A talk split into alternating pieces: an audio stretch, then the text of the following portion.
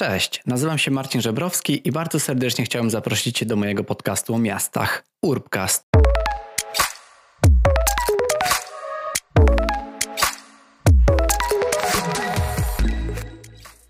Także Żeromski może marzył o tych szklanych domach, natomiast no teraz te szklane domy wcale nie są takie przyjazne środowisku i można by było to inaczej projektować.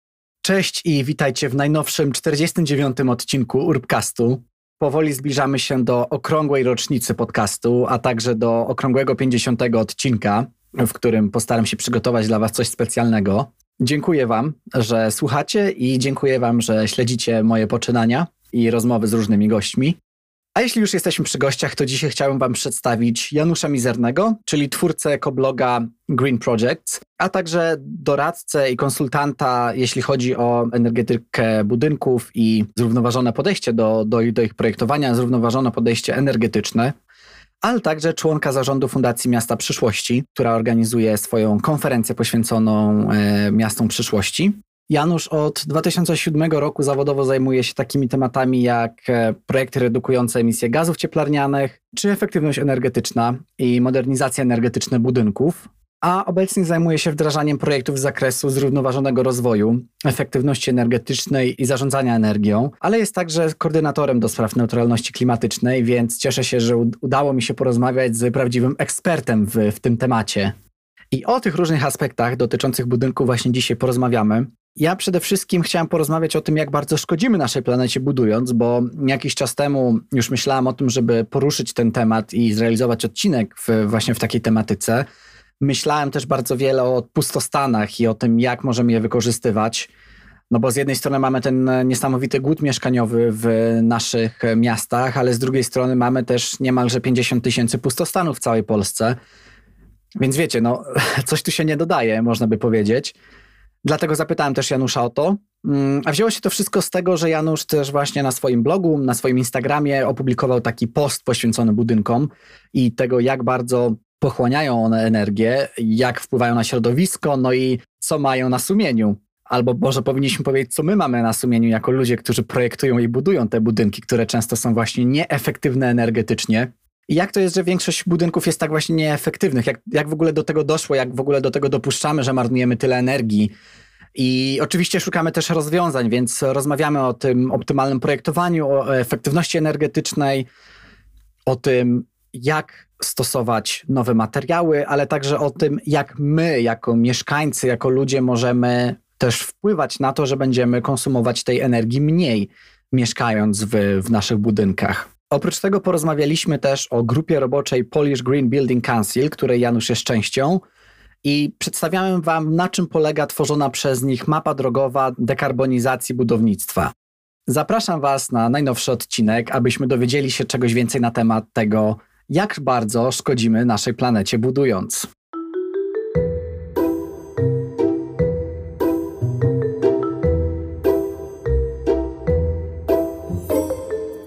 Janusz, witam cię serdecznie w, w Urbkaście. Cieszę się, że przyszedłeś. Cześć, dzięki za zaproszenie. Genezą tego naszego spotkania jest twój post, który jakiś czas temu umieściłeś na swoim profilu Green Project.pl, który już od jakiegoś czasu śledzę. No i właśnie, będziemy dzisiaj rozmawiać o, o budynkach, o tym, jak bardzo szkodzimy planecie budując. I myślę, że jest to temat jak rzeka, bardzo, bardzo długi i szeroki, dlatego skupimy się na takich najważniejszych elementach, mam nadzieję.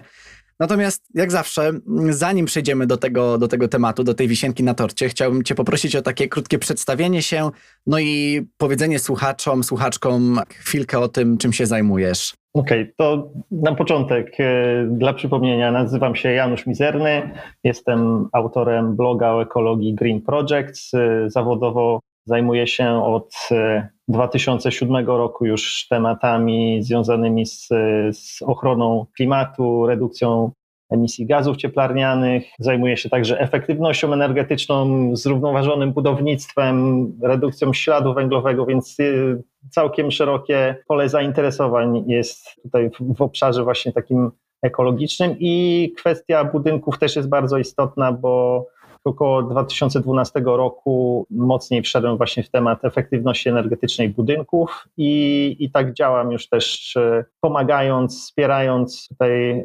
różne instytucje czy, czy, czy prywatnych inwestorów w tym, żeby budynki zużywały mniej energii, no i żeby też e, ten cały obszar zrównoważonego rozwoju w, w budownictwie no, nabierał mocy.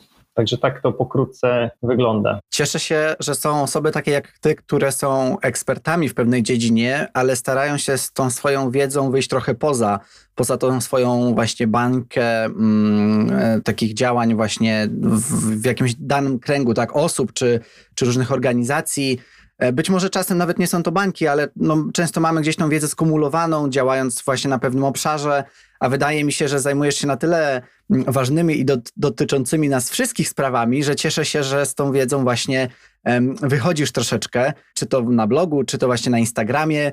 No i przejdźmy do tego, jak w ogóle powstał Twój blog, jak powstał Twój profil, skąd pojawiła się też ta chęć dzielenia się tą, tą swoją jakże istotną wiedzą. A ile mamy czasu? Bo mógłbym opowiadać i opowiadać, ale tak, tak w skrócie mm, to pomysł na edukację pojawił się już dosyć dawno, bo szczerze mówiąc, chyba w 2007 i 2008 roku w mojej pierwszej pracy, gdzie zajmowałem się projektami redukującymi emisję gazów cieplarnianych w różnych częściach świata, to były takie ONZ-owskie projekty Clean Development Mechanism i w ramach tych różnych działań no stwierdziłem, że jest to bardzo trudne do zrozumienia. Ja swoim rodzicom chyba do dzisiaj nie wyjaśniłem, czym się zajmowałem i nie wiem, kto to rozumie poza moimi kolegami z ówczesnej pracy. I w tamtym czasie też w tej firmie mieliśmy taki portal zagraniczny, on się nazywał Green Prizes, gdzie pisaliśmy krótkie artykuły o tym, co się dzieje w świecie tej zielonej energii, zrównoważonego rozwoju, więc to były takie pierwsze moje początki, gdzie takie zebranie krótkie wiedzy było i przekazywaliśmy to. Były jakieś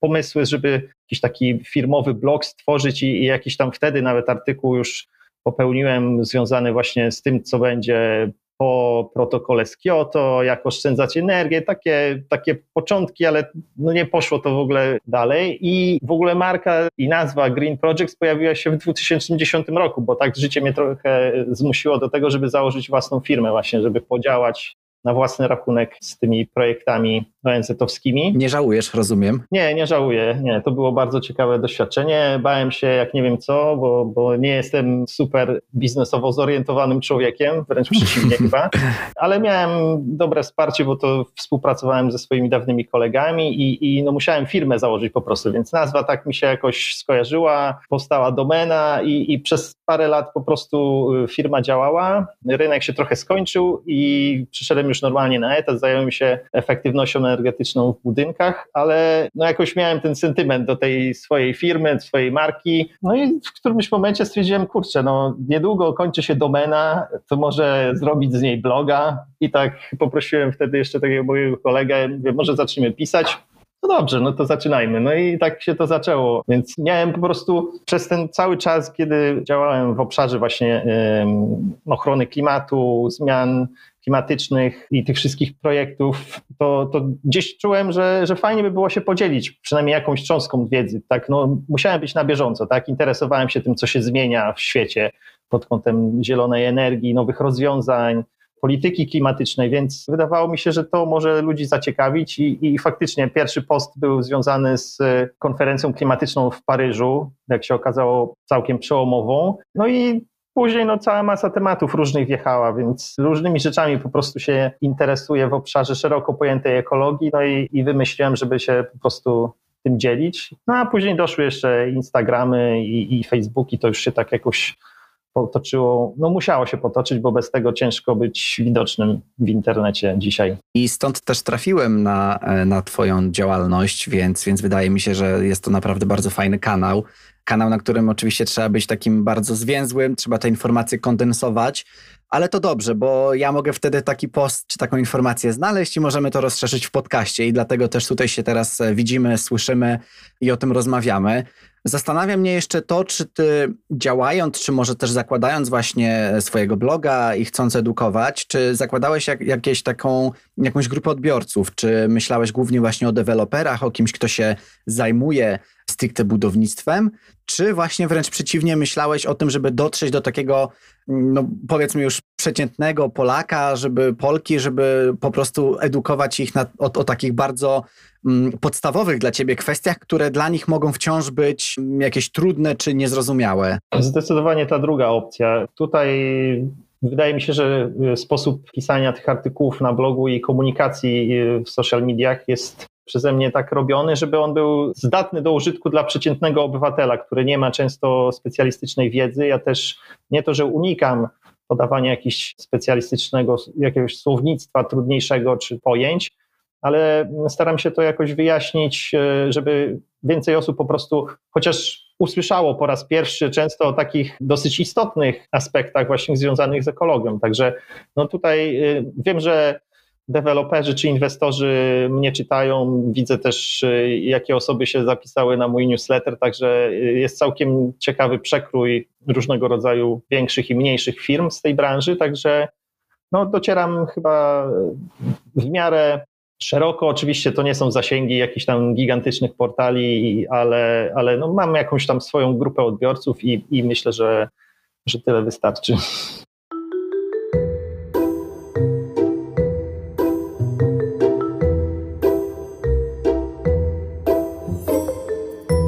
Zajmujesz się wieloma kwestiami, tak naprawdę związanymi z efektywnością budynków, z mm, less waste i ogólnie z takim, z takim właśnie bardziej ekologicznym podejściem do życia. Natomiast skupmy się właśnie na tej, na tej pierwszej kategorii. Chciałem z Tobą porozmawiać o tym, jak budynki wpływają na nasze środowisko. I może zacznę od takiego no, bardziej personalnego wprowadzenia, że no ja na co dzień, będąc częścią biura projektowego w, w takim dziale właśnie urbanizm, czyli w dziale urbanistycznym, no projektujemy powiedzmy różne, różne osiedla, różne e, części miasta, tak zwane masterplany. No jakby projektując często stawiamy sobie te różne domki, projektujemy, jak one mogą wyglądać, no i tak sobie je formujemy, żeby, żeby ten projekt wyglądał porządnie, żeby miał jakieś takie różne konkretne zasady i żeby po prostu to wszystko dobrze funkcjonowało. To w takim bardzo, bardzo dużym uproszczeniu i skrócie. No ale właśnie, zmierzam do tego, że dla mnie na przykład, kiedy robię sobie taką propozycję zagospodarowania danego terenu, no to sobie te, te budynki przesuwam i, i, i zmieniam jakby to, jak one mogą być ułożone. Natomiast jeśli już taki budynek wybudujemy, no to wtedy już zaczyna się na poważnie, ponieważ mamy no realny wpływ na to środowisko, zabudowując pewien teren. I według Global Status Report for Buildings and Construction, który też podajesz właśnie w tym swoim poście na Instagramie, budynki odpowiadają za 38% światowych emisji CO2, z czego 28% to jest użytkowanie budynków, a 10% to produkcja materiałów potrzebnych na, na właśnie wyprodukowanie e, tych materiałów budowlanych. I Widząc te liczby, można się przerazić, albo można do nich podejść tak, że w sumie troszeczkę ciężko jest sobie w ogóle zwizualizować. I jakbyś mógł teraz nam troszeczkę przybliżyć, jak ten raport w ogóle powstał i właśnie jak te liczby sobie możemy zacząć wizualizować, jak ogromną emisję tworzą właśnie budynki i to, w jaki sposób je obecnie budujemy. Powiem tak, ciężko mi powiedzieć, jak dokładnie ten raport był y, tworzony i jak te dane były zbierane, bo bardzo często kwestie podawania procentów emisji gazów cieplarnianych rozchodzą się po prostu o szczegóły, bo czasem jest coś uwzględniane w nich, czasem nie jest i trzeba najczęściej bardzo mocno się zagłębić.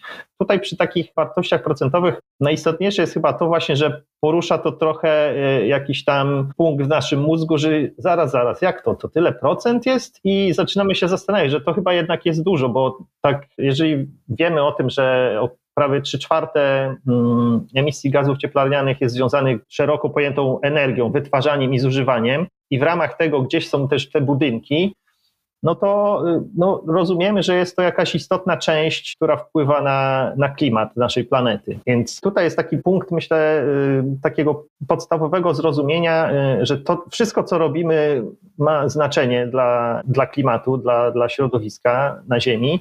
No i teraz, jeżeli my faktycznie zajmujemy się y, tematem tworzenia miast, dzielnic, pojedynczych budynków i mając taką wiedzę nawet podstawową, tak, że jednak ten wpływ może być znaczący, jeśli weźmiemy cały sektor pod uwagę, no to pytanie, czy my jesteśmy w stanie y, we własnym zakresie, takim małym, ale jednak, zrobić coś lepiej, zastanowić się, czy możemy inaczej coś zaplanować, innych materiałów użyć, zmienić podejście do, do danego projektu, mając właśnie w tyle głowy gdzieś gdzieś no, ten wpływ, który chcąc nie chcąc zostawimy i odciśniemy na, na naszej planecie. Pamiętam też, jeśli dobrze mi się wydaje, podawałeś taką informację, że do 2060 roku liczba powierzchni budynków i jakby ogólnie liczba tych, to chyba chodziło o powierzchnię, mhm. podwoi się. I, tak. i za, zacząłem się zastanawiać, jak to jest w ogóle możliwe. W sensie już teraz tak bardzo zurbanizowaliśmy naszą całą planetę, że jak to jest możliwe, w sensie to, to ciężko sobie wyobrazić, że, do, że przez te najbliższe 40 lat my tą liczbę budynków czy powierzchni budynków podwoimy. Jak to w ogóle jest, jest możliwe? Jak do tego podejść? Czy to właśnie będzie kosztem wyburzenia dużej części z tych obecnie istniejących budynków? Znaczy, patrząc e, tak po prostu, jadąc przez miasto, mniejsze czy większe, chyba też sami widzimy, że co chwila coś się nowego buduje. To jest też tak od jakiegoś czasu po prostu taka tendencja na rynku, że powstaje cała masa nowych budynków, czy to mieszkaniowych, czy biurowców. No, w Warszawie te dźwigi są y, co krok, y, w innych miastach tak samo. No, za granicą też się buduje. Mamy przykłady wielkich miast, y, czy to jakiś Dubaj, czy Singapur, no, gdzie tych budynków jest cała masa i ciągle coś się buduje. Więc takie porównanie właśnie, że do tego 2060 roku co miesiąc byśmy dodawali jakby Nowy Jork przez te 40 lat, to robi jednak no, wielkie wrażenie i, i, i zastanawiamy się, jak to możliwe, no ale no, to też jest, to wynika z jakichś potrzeb, tak? bo ludzie też muszą gdzieś mieszkać. Wiemy, że y, jeszcze większa część ludzi będzie się przenosić y, z terenów wiejskich do miast, więc jakby taka jest globalna tendencja, więc po prostu będzie potrzeba mieszkaniowa, potrzeba pracy w miastach, więc stąd wynika pewnie takie, taki szacunek i takie założenie, że, że takiej ilości i powierzchni e, budynkowej nam przybędzie. Czy tak będzie faktycznie, tego nie wiemy, bo jakby ciężko przewidywać przyszłość. Natomiast e, no, obserwując to, co się dzieje, widzimy, że jednak tych budynków przybywa coraz więcej. Czy będziemy w stanie wykorzystywać te istniejące, których już mamy całkiem spore zasoby? No, byłoby na pewno dobrze.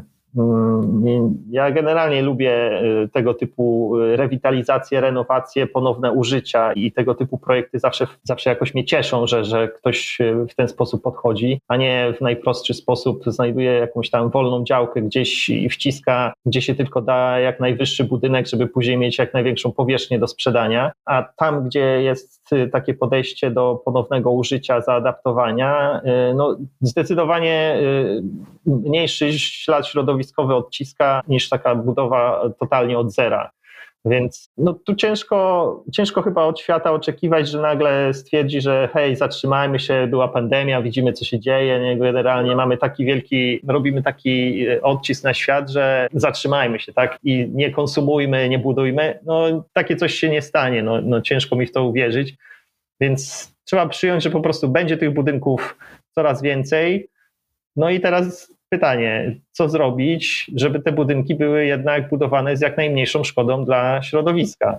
To prawda, że pandemia niewiele w tym przypadku zmieni, bo, bo tak obserwując sytuację na, na tym powiedzmy rynku budownictwa czy architektury w, w Kopenhadze, to wydaje mi się, że wiele tych firm architektonicznych niemalże zaczęło się rozrastać po tych kilku miesiącach pandemii, bo, bo rzeczywiście jednak te, te projekty e, cały czas się pojawiały na całym świecie, więc e, uważam, że niestety mamy do tego dobre warunki. Nawet pandemia nie przeszkodzi w tym, żeby cały czas się niemalże bezgranicznie rozwijać.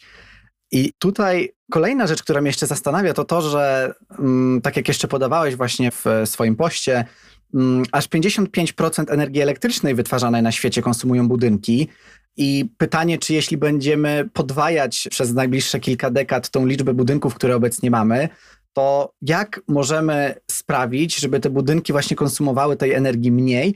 No bo ciężko mi sobie ponownie wyobrazić, jeśli będzie tak dużo nowych budynków, a, które jeszcze konsumują tak dużo energii, no to tak, tak naprawdę tej energii będziemy musieli wyprodukować tak dużo, a jeszcze właśnie nie zawsze korzystamy z, z odnawialnej energii, jak to wszystko połączyć, żebyśmy tej planety całkowicie nie zadusili przez te najbliższe kilka dekad? To bardzo trudne pytanie, ostrzegam. No zdecydowanie. No, obawiam się, że nic nie wymyślimy takiego, co uratuje świat tutaj podczas tego podcastu. Natomiast y, no tak, no wszystkie te megatrendy pokazują, że zapotrzebowanie na energię będzie rosło i to nie tylko w związku z budynkami, ale ogólnie z wszelaką konsumpcją, więc do tego nie uciekniemy, bo tak jak już wcześniej rozmawialiśmy, no nie zatrzymamy się tak nagle zastanowimy się, że za dużo jednak złego robimy dla planety.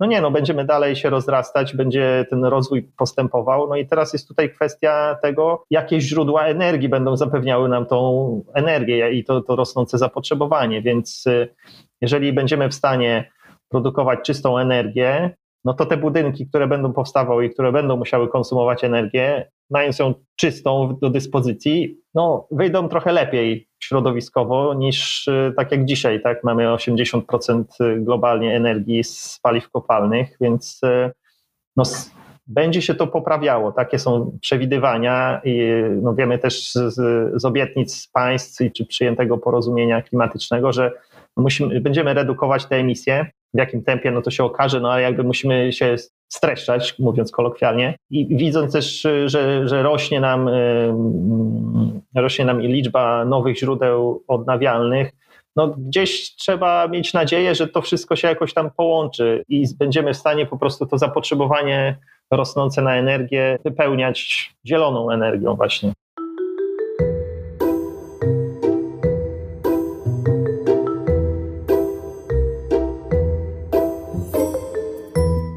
Wspomniałeś też wcześniej chwilę Singapur i tutaj do Singapuru chciałbym na chwilkę wrócić, bo mm, robiłem w ogóle swoją pracę magisterską o Singapurze, o między innymi właśnie o tym, jak podejść do projektowania budynków i znalazłem taką ciekawą informację, że na przykład w Singapurze klimatyzacja pobiera 60% całej energii budynków e, w Singapurze.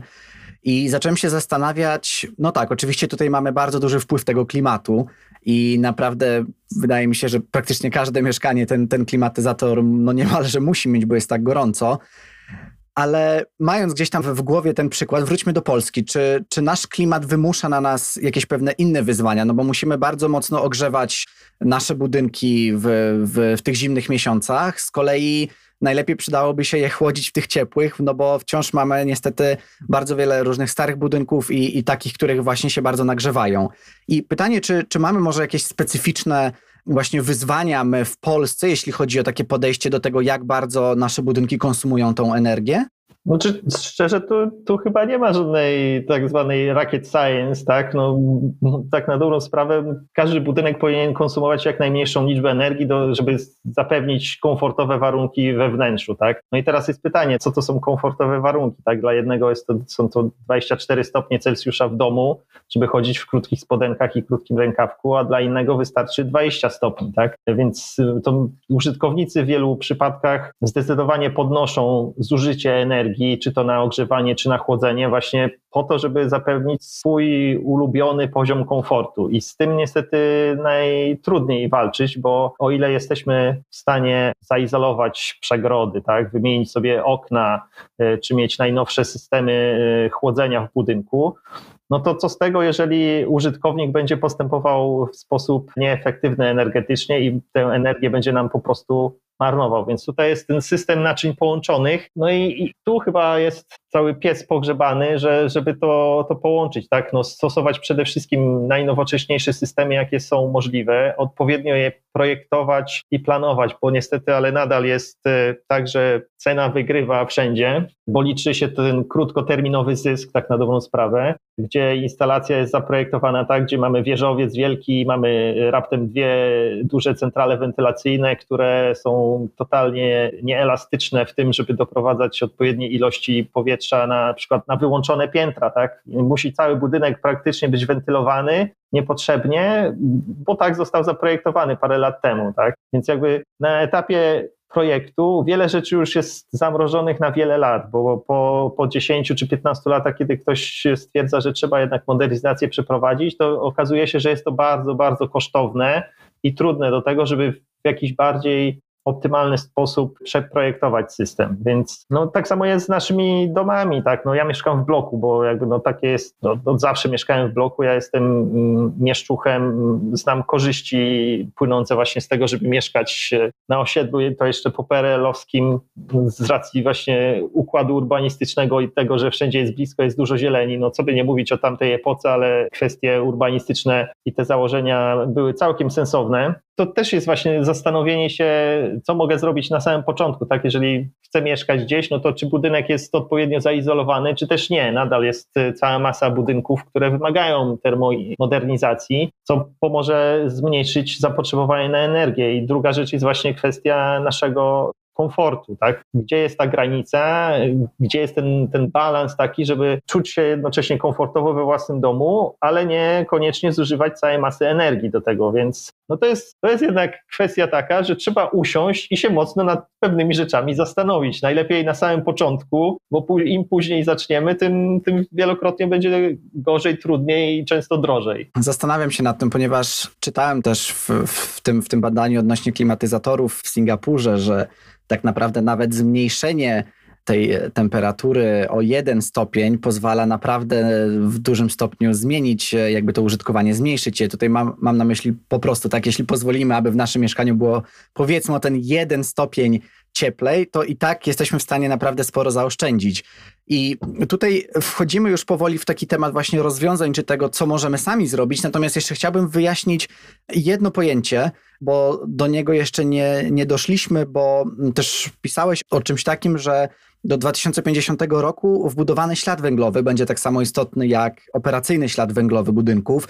I wydaje mi się, że jest to jeszcze istotna kwestia, którą powinniśmy poruszyć, i wtedy już będziemy mogli przejść do, do takich rozwiązań. Więc jakby mógł, mógłbyś jeszcze tutaj nam słuchaczom troszeczkę to wytłumaczyć. Okej, okay, to, to zacznijmy od budowanego śladu węglowego. Po angielsku brzmi to embodied carbon. Na polski tak to jest tłumaczone i nie wiem, dwa lata temu jak pisaliśmy pierwszy artykuł na firmowym blogu, też się mocno zastanawialiśmy jak to przetłumaczyć na polski, żeby było to zrozumiałe i chyba wbudowany ślad węglowy ma całkiem dobry sens, bo, bo jest to ślad węglowy, który jest związany z przepływami materiałów w cyklu życia budynku, czyli energią potrzebną do tego, żeby wyprodukować takie materiały, dostarczyć je do tego, żeby je wbudować, czy, czy później przebudować i wykorzystać ewentualnie e, po rozbiórce. Więc, e, więc to jest, e, tak uogólniając, ślad węglowy związany z materiałami budowlanymi wykorzystanymi w budynku. Natomiast operacyjny ślad węglowy, no to jest to, to, to ślad węglowy i emisje związane z eksploatacją budynku. Także Tutaj mamy do czynienia właśnie ze zużyciem energii elektrycznej czy cieplnej i takie dwa te ślady węglowe nam w tych budynkach się pojawiają. Dobrze, to mam nadzieję, że mamy już takie wszystkie podstawowe pojęcia, jakie możemy tutaj przedstawić w tymże krótkim czasie podcastowym. Chyba, że jeszcze coś powinniśmy wytłumaczyć. No nie, nie no, wydaje mi się, że y, skupmy się tylko na tym, bo tak naprawdę moglibyśmy wiele wątków pobocznych poruszać, jak to policzyć i skąd się różne rzeczy biorą i tak dalej, więc to jeszcze może na kiedy indziej, albo inna osoba będzie jeszcze chętna do tego, żeby opowiedzieć w Twoim podcaście na te rzeczy.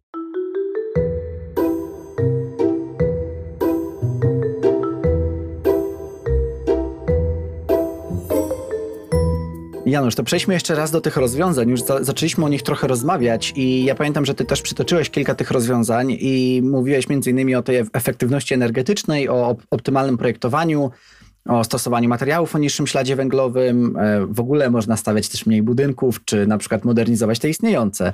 I tutaj też istotność pustostanów, o których za chwilę chcę porozmawiać ale te wszystkie rozwiązania mam wrażenie, że to są takie bardzo rozwiązania skierowane na tych moco, nie, nie mocodawców, ale na tych decision makers. Zabrakło mi teraz słowa polskiego, ale chodzi mi o to, że to jest takie trochę podejście odgórne, tak? Że to, to może zrobić na przykład deweloper, czy to może zrobić na przykład ktoś, kto zarządza budynkami, na przykład Urząd Miasta w danym, czy jakaś tam od, odpowiednia jednostka w, w Urzędzie Miasta. Tylko właśnie pytanie, czy, czy to mi się tylko tak wydaje, czy my rzeczywiście w tych przytoczonych przeze mnie pewnych rozwiązaniach, my jako obywatele, my jako mieszkańcy miast też mamy swój wpływ, no bo jeśli mówimy o tej efektywności energetycznej, no to rozumiem, że z jednej strony to może być efektywność energetyczna przy powstawaniu danego budynku, ale z drugiej strony już potem przy użytkowaniu tego jako mieszkaniec, tak? No zdecydowanie tutaj przy kwestii budynków trzeba patrzeć na wszystkich uczestników tego procesu czy, czy tego sektora, tak na sprawę, bo mamy i architektów, i projektantów, którzy muszą odpowiednio taki budynek zaprojektować. Później mamy oczywiście inwestora i wykonawcę, tak? No, ktoś musi dać na to pieniądze, ktoś musi to wybudować i to zgodnie ze sztuką, a nie zamieniając w trakcie na przykład materiały lepsze na gorsze i oszczędzając gdzieś w miejscach, które później staną się jakimiś tam hotspotami energetycznymi w czasie użytkowania. No i później są sami użytkownicy, którzy no, w sposób e, racjonalny powinni korzystać z tych systemów budynkowych, które mają do dyspozycji. I tu też jest rola zarządców, no bo oni no oprócz takich kwestii typowo formalnych związanych z najmem, też y, mają wpisane w swoją, swój zakres obowiązków kwestie związane z, z energią. Tak? Więc tak naprawdę wszyscy są odpowiedzialni w różnych stopniach, natomiast no właśnie to jest, wydaje mi się, że tutaj powinna być taka kwestia, żeby jednak mocniej się nad pewnymi kwestiami zastanawiać, tak? Po prostu nie, nie zostawiać je gdzieś na boku, bo to się prędzej czy później zemści. No to też jakby musimy patrzeć na to, jakie są tendencje obecnie. Unia Europejska wprowadza y, tak zwaną renovation wave, tak? czyli zestaw regulacji, które mają doprowadzić do tego, żeby budynki zużywały mniej energii. No obecnie jedynie 1% zasobów budynkowych w Unii Europejskiej modernizuje się co roku pod względem efektywności, tak? no więc jest to zdecydowanie za mało, a, a statystyki mówią, że tak naprawdę y, ponad 85% budynków w Unii to są budynki ponad 20-letnie, które będą jeszcze stały co najmniej do 2050 roku, więc jakby mamy ten zasób, który zużywa nam energię, no i teraz powinniśmy wszyscy od początku do końca tego, ci, ci wszyscy aktorzy w, w, sektorze budownictwa powinni się mocno zastanowić i w każdy w swojej działce wykonać odpowiednią pracę ku temu, żeby zmniejszać ślad środowiskowy i węglowy y, tych budynków, które projektują, użytkują, budują, więc no, odpowiedzialność jest rozłożona na, na, na wszystkich według mnie. Czyli budynek raz wybudowany mm, nie tylko pożera bardzo dużo energii podczas samej produkcji budynków, czyli materiałów, a także samego stawiania danego budynku, ale także jak już stoi. I tutaj chciałem przejść do pustostanów, bo w Polsce jest ich niemal 46 tysięcy według danych Obserwatorium Polityki Miejskiej, z czego najwięcej w Warszawie i Łodzi, ale inne miasta też mają dość wysokie wskaźniki. I tutaj zastanawiam się, czy my możemy coś zrobić, no bo to jest w dużej mierze sposób zarządzania tym zasobem mieszkaniowym przez, przez miasta, no ale mówimy o tym, że z jednej strony rozrastamy się i potrzebujemy coraz więcej tych mieszkań, no ale z drugiej strony powinniśmy się na chwilę zatrzymać tak halo, halo, no ale przecież mamy bardzo dużo już obecnie budynków, mieszkań, które są pustostanami. I czy ty się może zastanawiałeś nad tym, czy szukałeś jakiejś informacji na temat tego, dlaczego tak jest, że w tych pustostanów wciąż jest tak wiele przy jednoczesnym właśnie tym głodzie mieszkaniowym? Nie znam żadnych twardych danych. Ja nie, nie siedzę w, w tak zwanej deweloperce, żebym wiedział, jakie są tam czynniki ekonomiczne powodujące to, że ktoś się interesuje danym budynkiem, żeby go wykorzystać, jakimś właśnie pustostanem chociażby. Czy, czy nie łatwiej dla takiego inwestora jest po prostu znaleźć pustą działkę gdzieś na obrzeżach, bo łatwiej to sobie wszystko wybudować taniej i, i drożej sprzedać.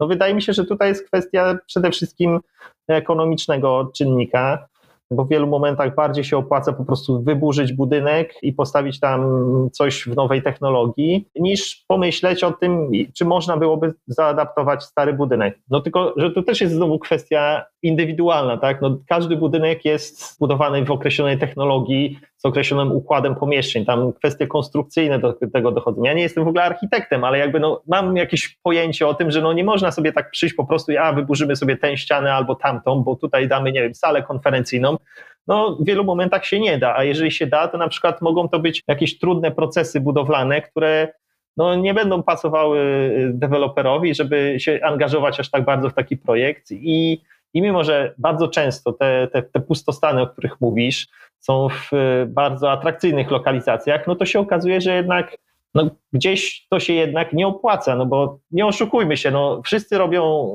y, tego typu nowe budynki czy, czy gdzieś, czy, czy renowacje, jeżeli się to będzie opłacało, tak, no raczej nie znam takich może są jakieś pojedyncze przypadki, gdzie są jacyś filantropi, którzy sobie myślą, że a, tutaj jest stary budynek, ja go wyremontuję, będzie, nie wiem, moją, moim dziedzictwem. No okej, okay, no zdarzają się takie przypadki, no ale jakby zdecydowana większość działa dla zysku, jak to, jak to w, w gospodarce wygląda i, i, i tutaj myślę, że no, czy kwestia e, jakichś dodatkowych przepisów, które by wymagały większego stopnia wykorzystania tych budynków, albo nie wiem, jakieś analizy typu Hmm, dlaczego nie można wykorzystać tego budynku i trzeba by to przedstawić jakoś naprawdę sensownie, że nie wiem, że ściany są słabe, że to, że tam, to, że konstrukcja jest taka, tutaj nie można doprowadzić na przykład sieci ciepłowniczej, bo też często takie właśnie niuanse mogą decydować o tym, że te budynki po prostu stoją, tak? No też sama dzielnica może nie być jakaś atrakcyjna, żeby coś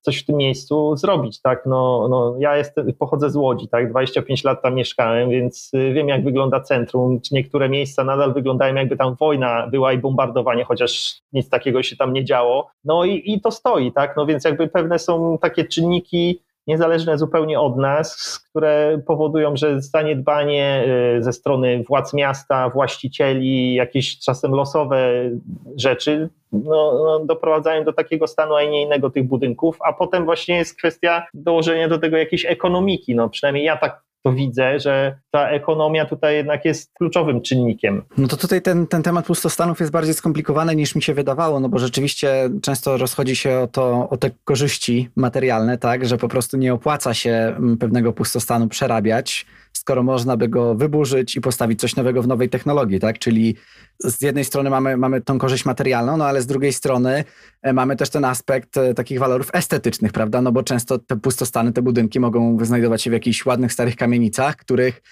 szkoda byłoby wyburzyć dla, dla tych walorów estetycznych, ale rozumiem, że pewnie tutaj potrzebny jest jakiś ten kompromis, tak? Między, między tym, ile taki budynek pochłania energii, jak on będzie wyglądał, jakie on korzyści też będzie przynosił właścicielowi. No i kto tam zamieszka, czy będą chętni, żeby korzystać z tego budynku, no bo przykłady są takie w Łodzi, tak, znowu się powołam, jest ten y, program miejski odnowy kamienic w różnych miejscach i też często wydaje się, że super odnowimy kamienice, bo są piękne i warto nie dbać. No, wymieniane są instalacje w środku, no ale pytanie, czy ludzie będą chętnie faktycznie chcieli mieszkać, jeżeli dookoła jest, no co by nie mówić, kiepska dzielnica, tak? Mimo, że jest to centrum, nie wiem, Piotrkowska i inne tam atrakcyjne wydawałoby się miejsca, natomiast no, kwestie społeczne jednak też odgrywają mocną rolę, żeby taki budynek mógł ponownie zacząć funkcjonować, więc no tutaj jest strasznie dużo tych czynników, które no nie są łatwe, żeby je jakoś zniwelować, żeby od tak y, ktoś przyszedł i powiedział, jasne, super, to jest centrum miasta, a wiadomo, że lokalizacja, lokalizacja, lokalizacja to są trzy najważniejsze czynniki przy budowie jakiegokolwiek budynku, wygrywała w tym przypadku, bo jednak dochodzi trochę więcej tych aspektów.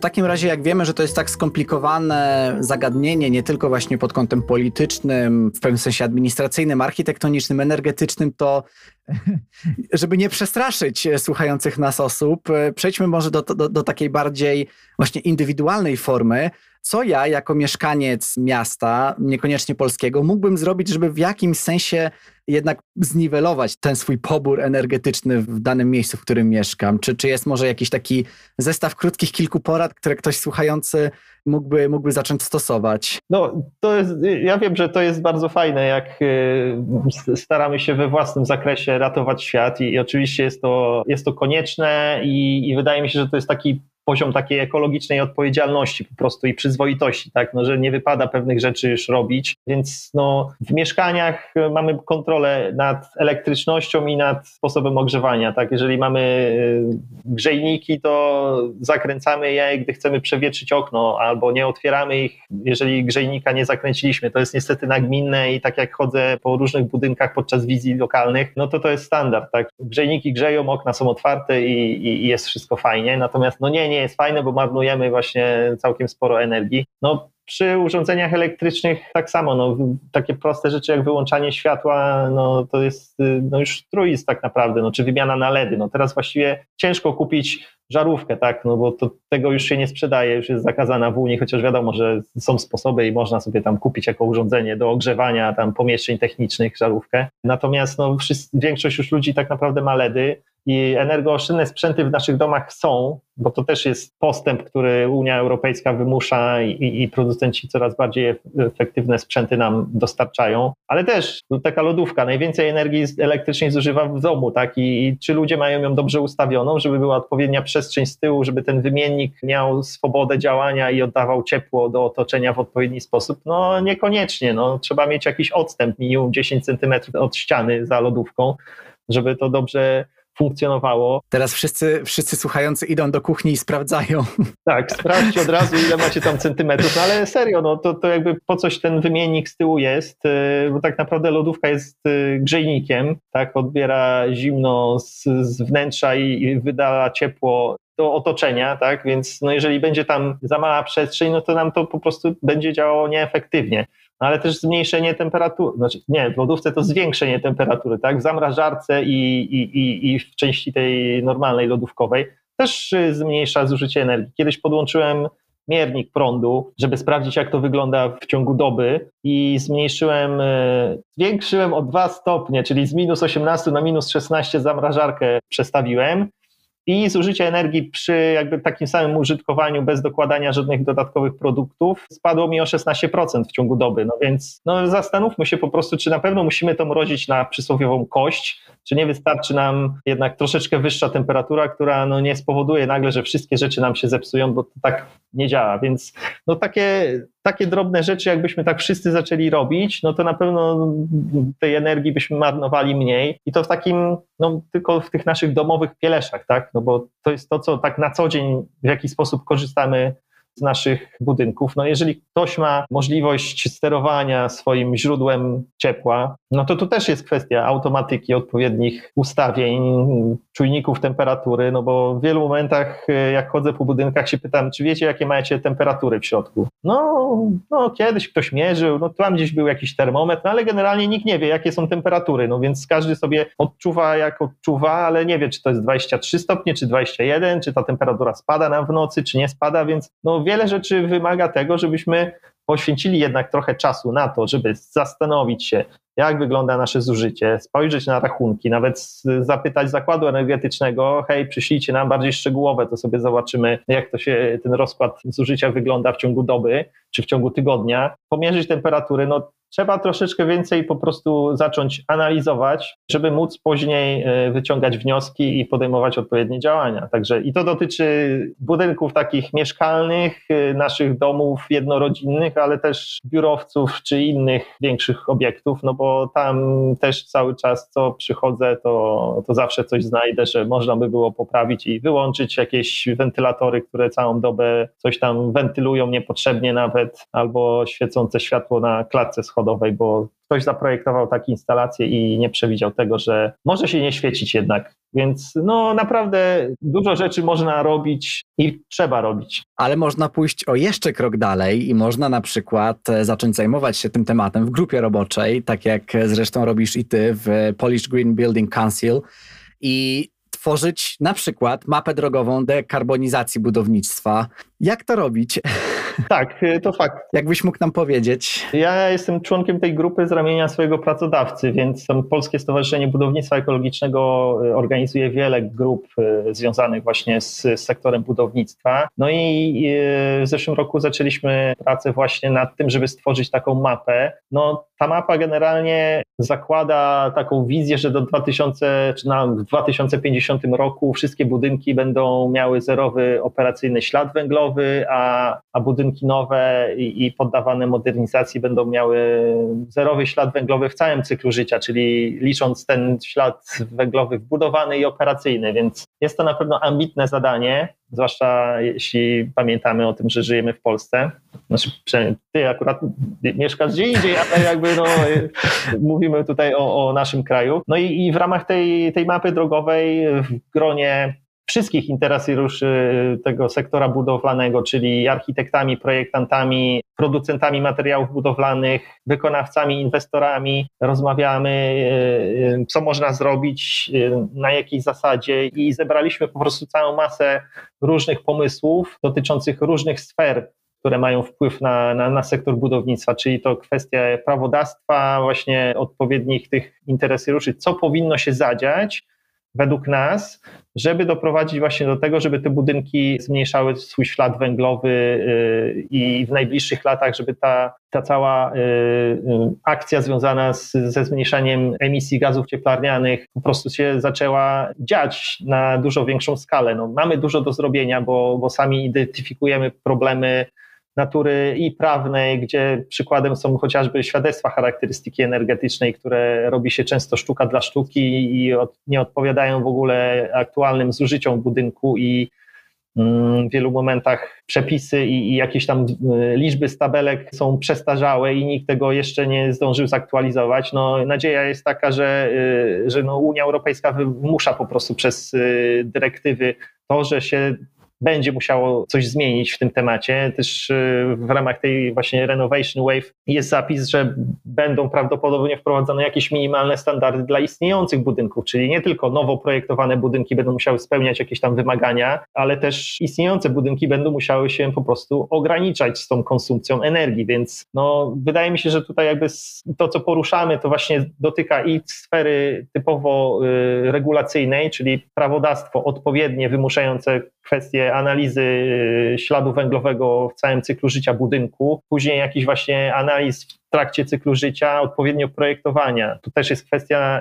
dostępności na przykład narzędzi, które pozwolą na określenie wbudowanego śladu węglowego chociażby. Takie narzędzia są i sam ich, ich używam w pracy, natomiast to nie są jeszcze powszechnie stosowane narzędzia i projektanci, architekci sami się przyznają, że jakby jest cały czas potencjał do tego, żeby się szkolić i konieczność takiego podnoszenia kwalifikacji w tym obszarze jest bardzo widoczna, no bo w wielu momentach wydaje się, że budujemy tak jak zawsze. Tak troszeczkę można powiedzieć. No wiadomo, technologie się pojawiają coraz nowsze, ale w wielu przypadkach jest to takie powtarzalne, tak? No, no wystarczy zerknąć, jakie biurowce są projektowane, no to wszystko wygląda tak samo, tak? No, nawet elewacje są często powtarzalne.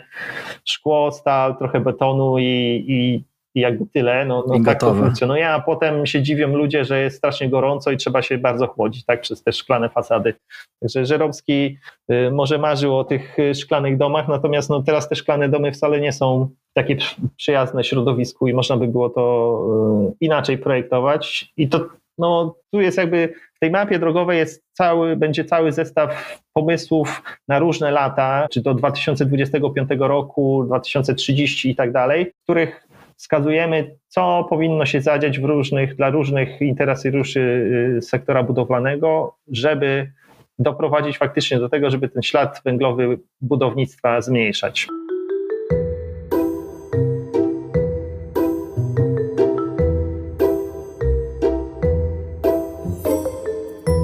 wiele informacji, wiele rzeczy, wiele lekcji do wyciągnięcia dla nas i cieszę się, że przytoczyliśmy te, te wszystkie zagadnienia.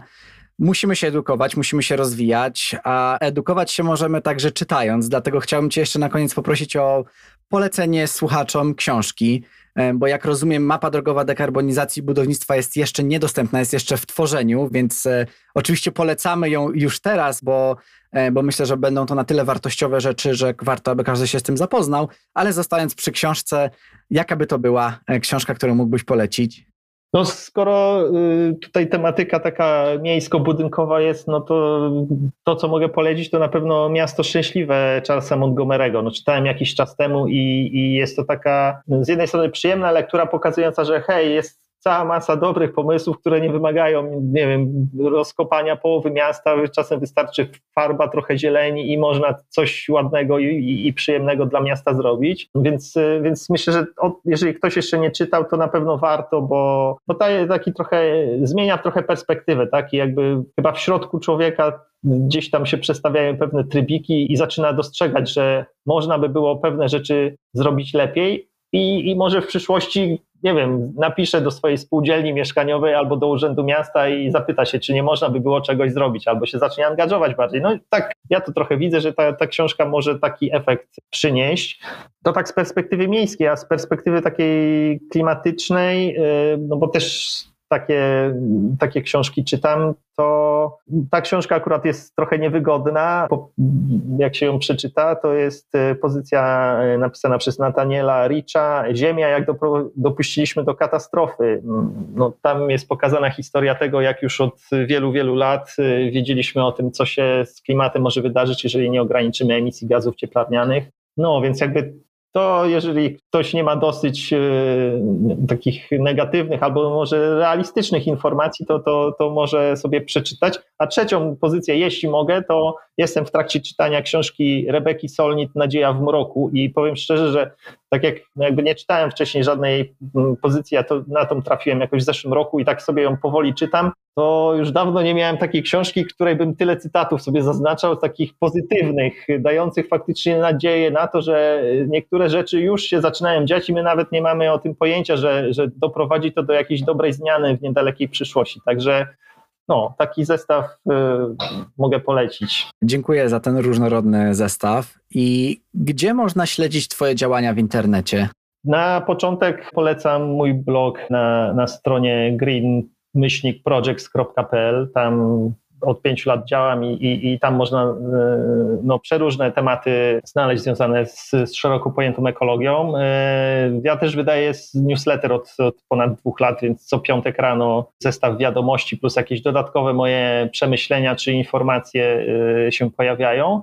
A no, to, co jest najpopularniejsze, no, czyli y, media społecznościowe, jestem dostępny na Instagramie i na Facebooku, więc, więc tam jestem, można mnie obserwować, y, do mnie pisać, także zapraszam serdecznie. Tam można też kibicować Ci w pisaniu książki. Yy, tak, można, bardzo, bardzo proszę o kibicowanie. Powiem szczerze, że tak, jestem w trakcie pisania książki o dwutlenku węgla. Zbieram materiał, materiałów mam całą masę, to jest najgorsze, że jednak tych materiałów jest strasznie dużo zawsze przy pisaniu książki i trzeba wybrać to, to co jest najciekawsze. Yy, no czasem jedno zdanie, żeby napisać, trzeba przeczytać całą książkę na przykład, nie? Ale ale mm, no, taki sobie cel postawiłem, żeby przed czterdziestką książkę wydać. Wbrew pozorom niedużo czasu mi zostało, bo nie, niecałe półtora roku nawet, ale może jak się sprężę, to w tym roku by ta książka się y, już pojawiła. Umawiam się powoli na jakieś tam wyjazdy, żeby też porozmawiać ze specjalistami, zobaczyć na własne oczy, bo to zawsze tak y, myślę, że ciekawie wygląda, jak jest, y, jak samemu można zobaczyć pewne kwestie związane właśnie z, z dwutlenkiem węgla, a, a, a tu trochę zdradzając, to postaram się pokazać ten dwutlenek węgla z dosyć nietypowej perspektywy, czyli nie tylko takiej, o jakiej się mówi dosyć szeroko, więc nie, no, to w takim razie kibicujemy w, w, pisaniu książki i w, po tym, żeby, żeby się ukazała przed twoimi 40 urodzinami, żebyś mógł sobie zrealizować ten e, jakże ambitny i wspaniały cel. A póki co chciałem Ci bardzo serdecznie podziękować za tą naszą rozmowę. Cieszę się, że z tego Twojego posta na Instagramie rozszerzyliśmy te, te zagadnienia do, do odcinka w tym podcaście i mam nadzieję, do, i do czego też zachęcam, że osoby, które tego słuchają, też mogą w jakiś sposób nadbudowywać tą zdobytą wiedzę i też śmiało kontaktować się e, z Tobą, aby edukować się jeszcze więcej. Jak najbardziej. Super, cieszę się, że, że, że porozmawialiśmy. Można by było jeszcze dużo wątków poruszać, e, ale to jest właśnie fajne, że taka, takie nasionko myślę, że możemy zasiać tym odcinkiem podcastu, żeby kolejne osoby po prostu zaczęły szukać informacji na własną rękę i, i, i no, na pewno przyniesie się to dużo dobrego. Zdecydowanie. Dzięki wielkie. Dziękuję.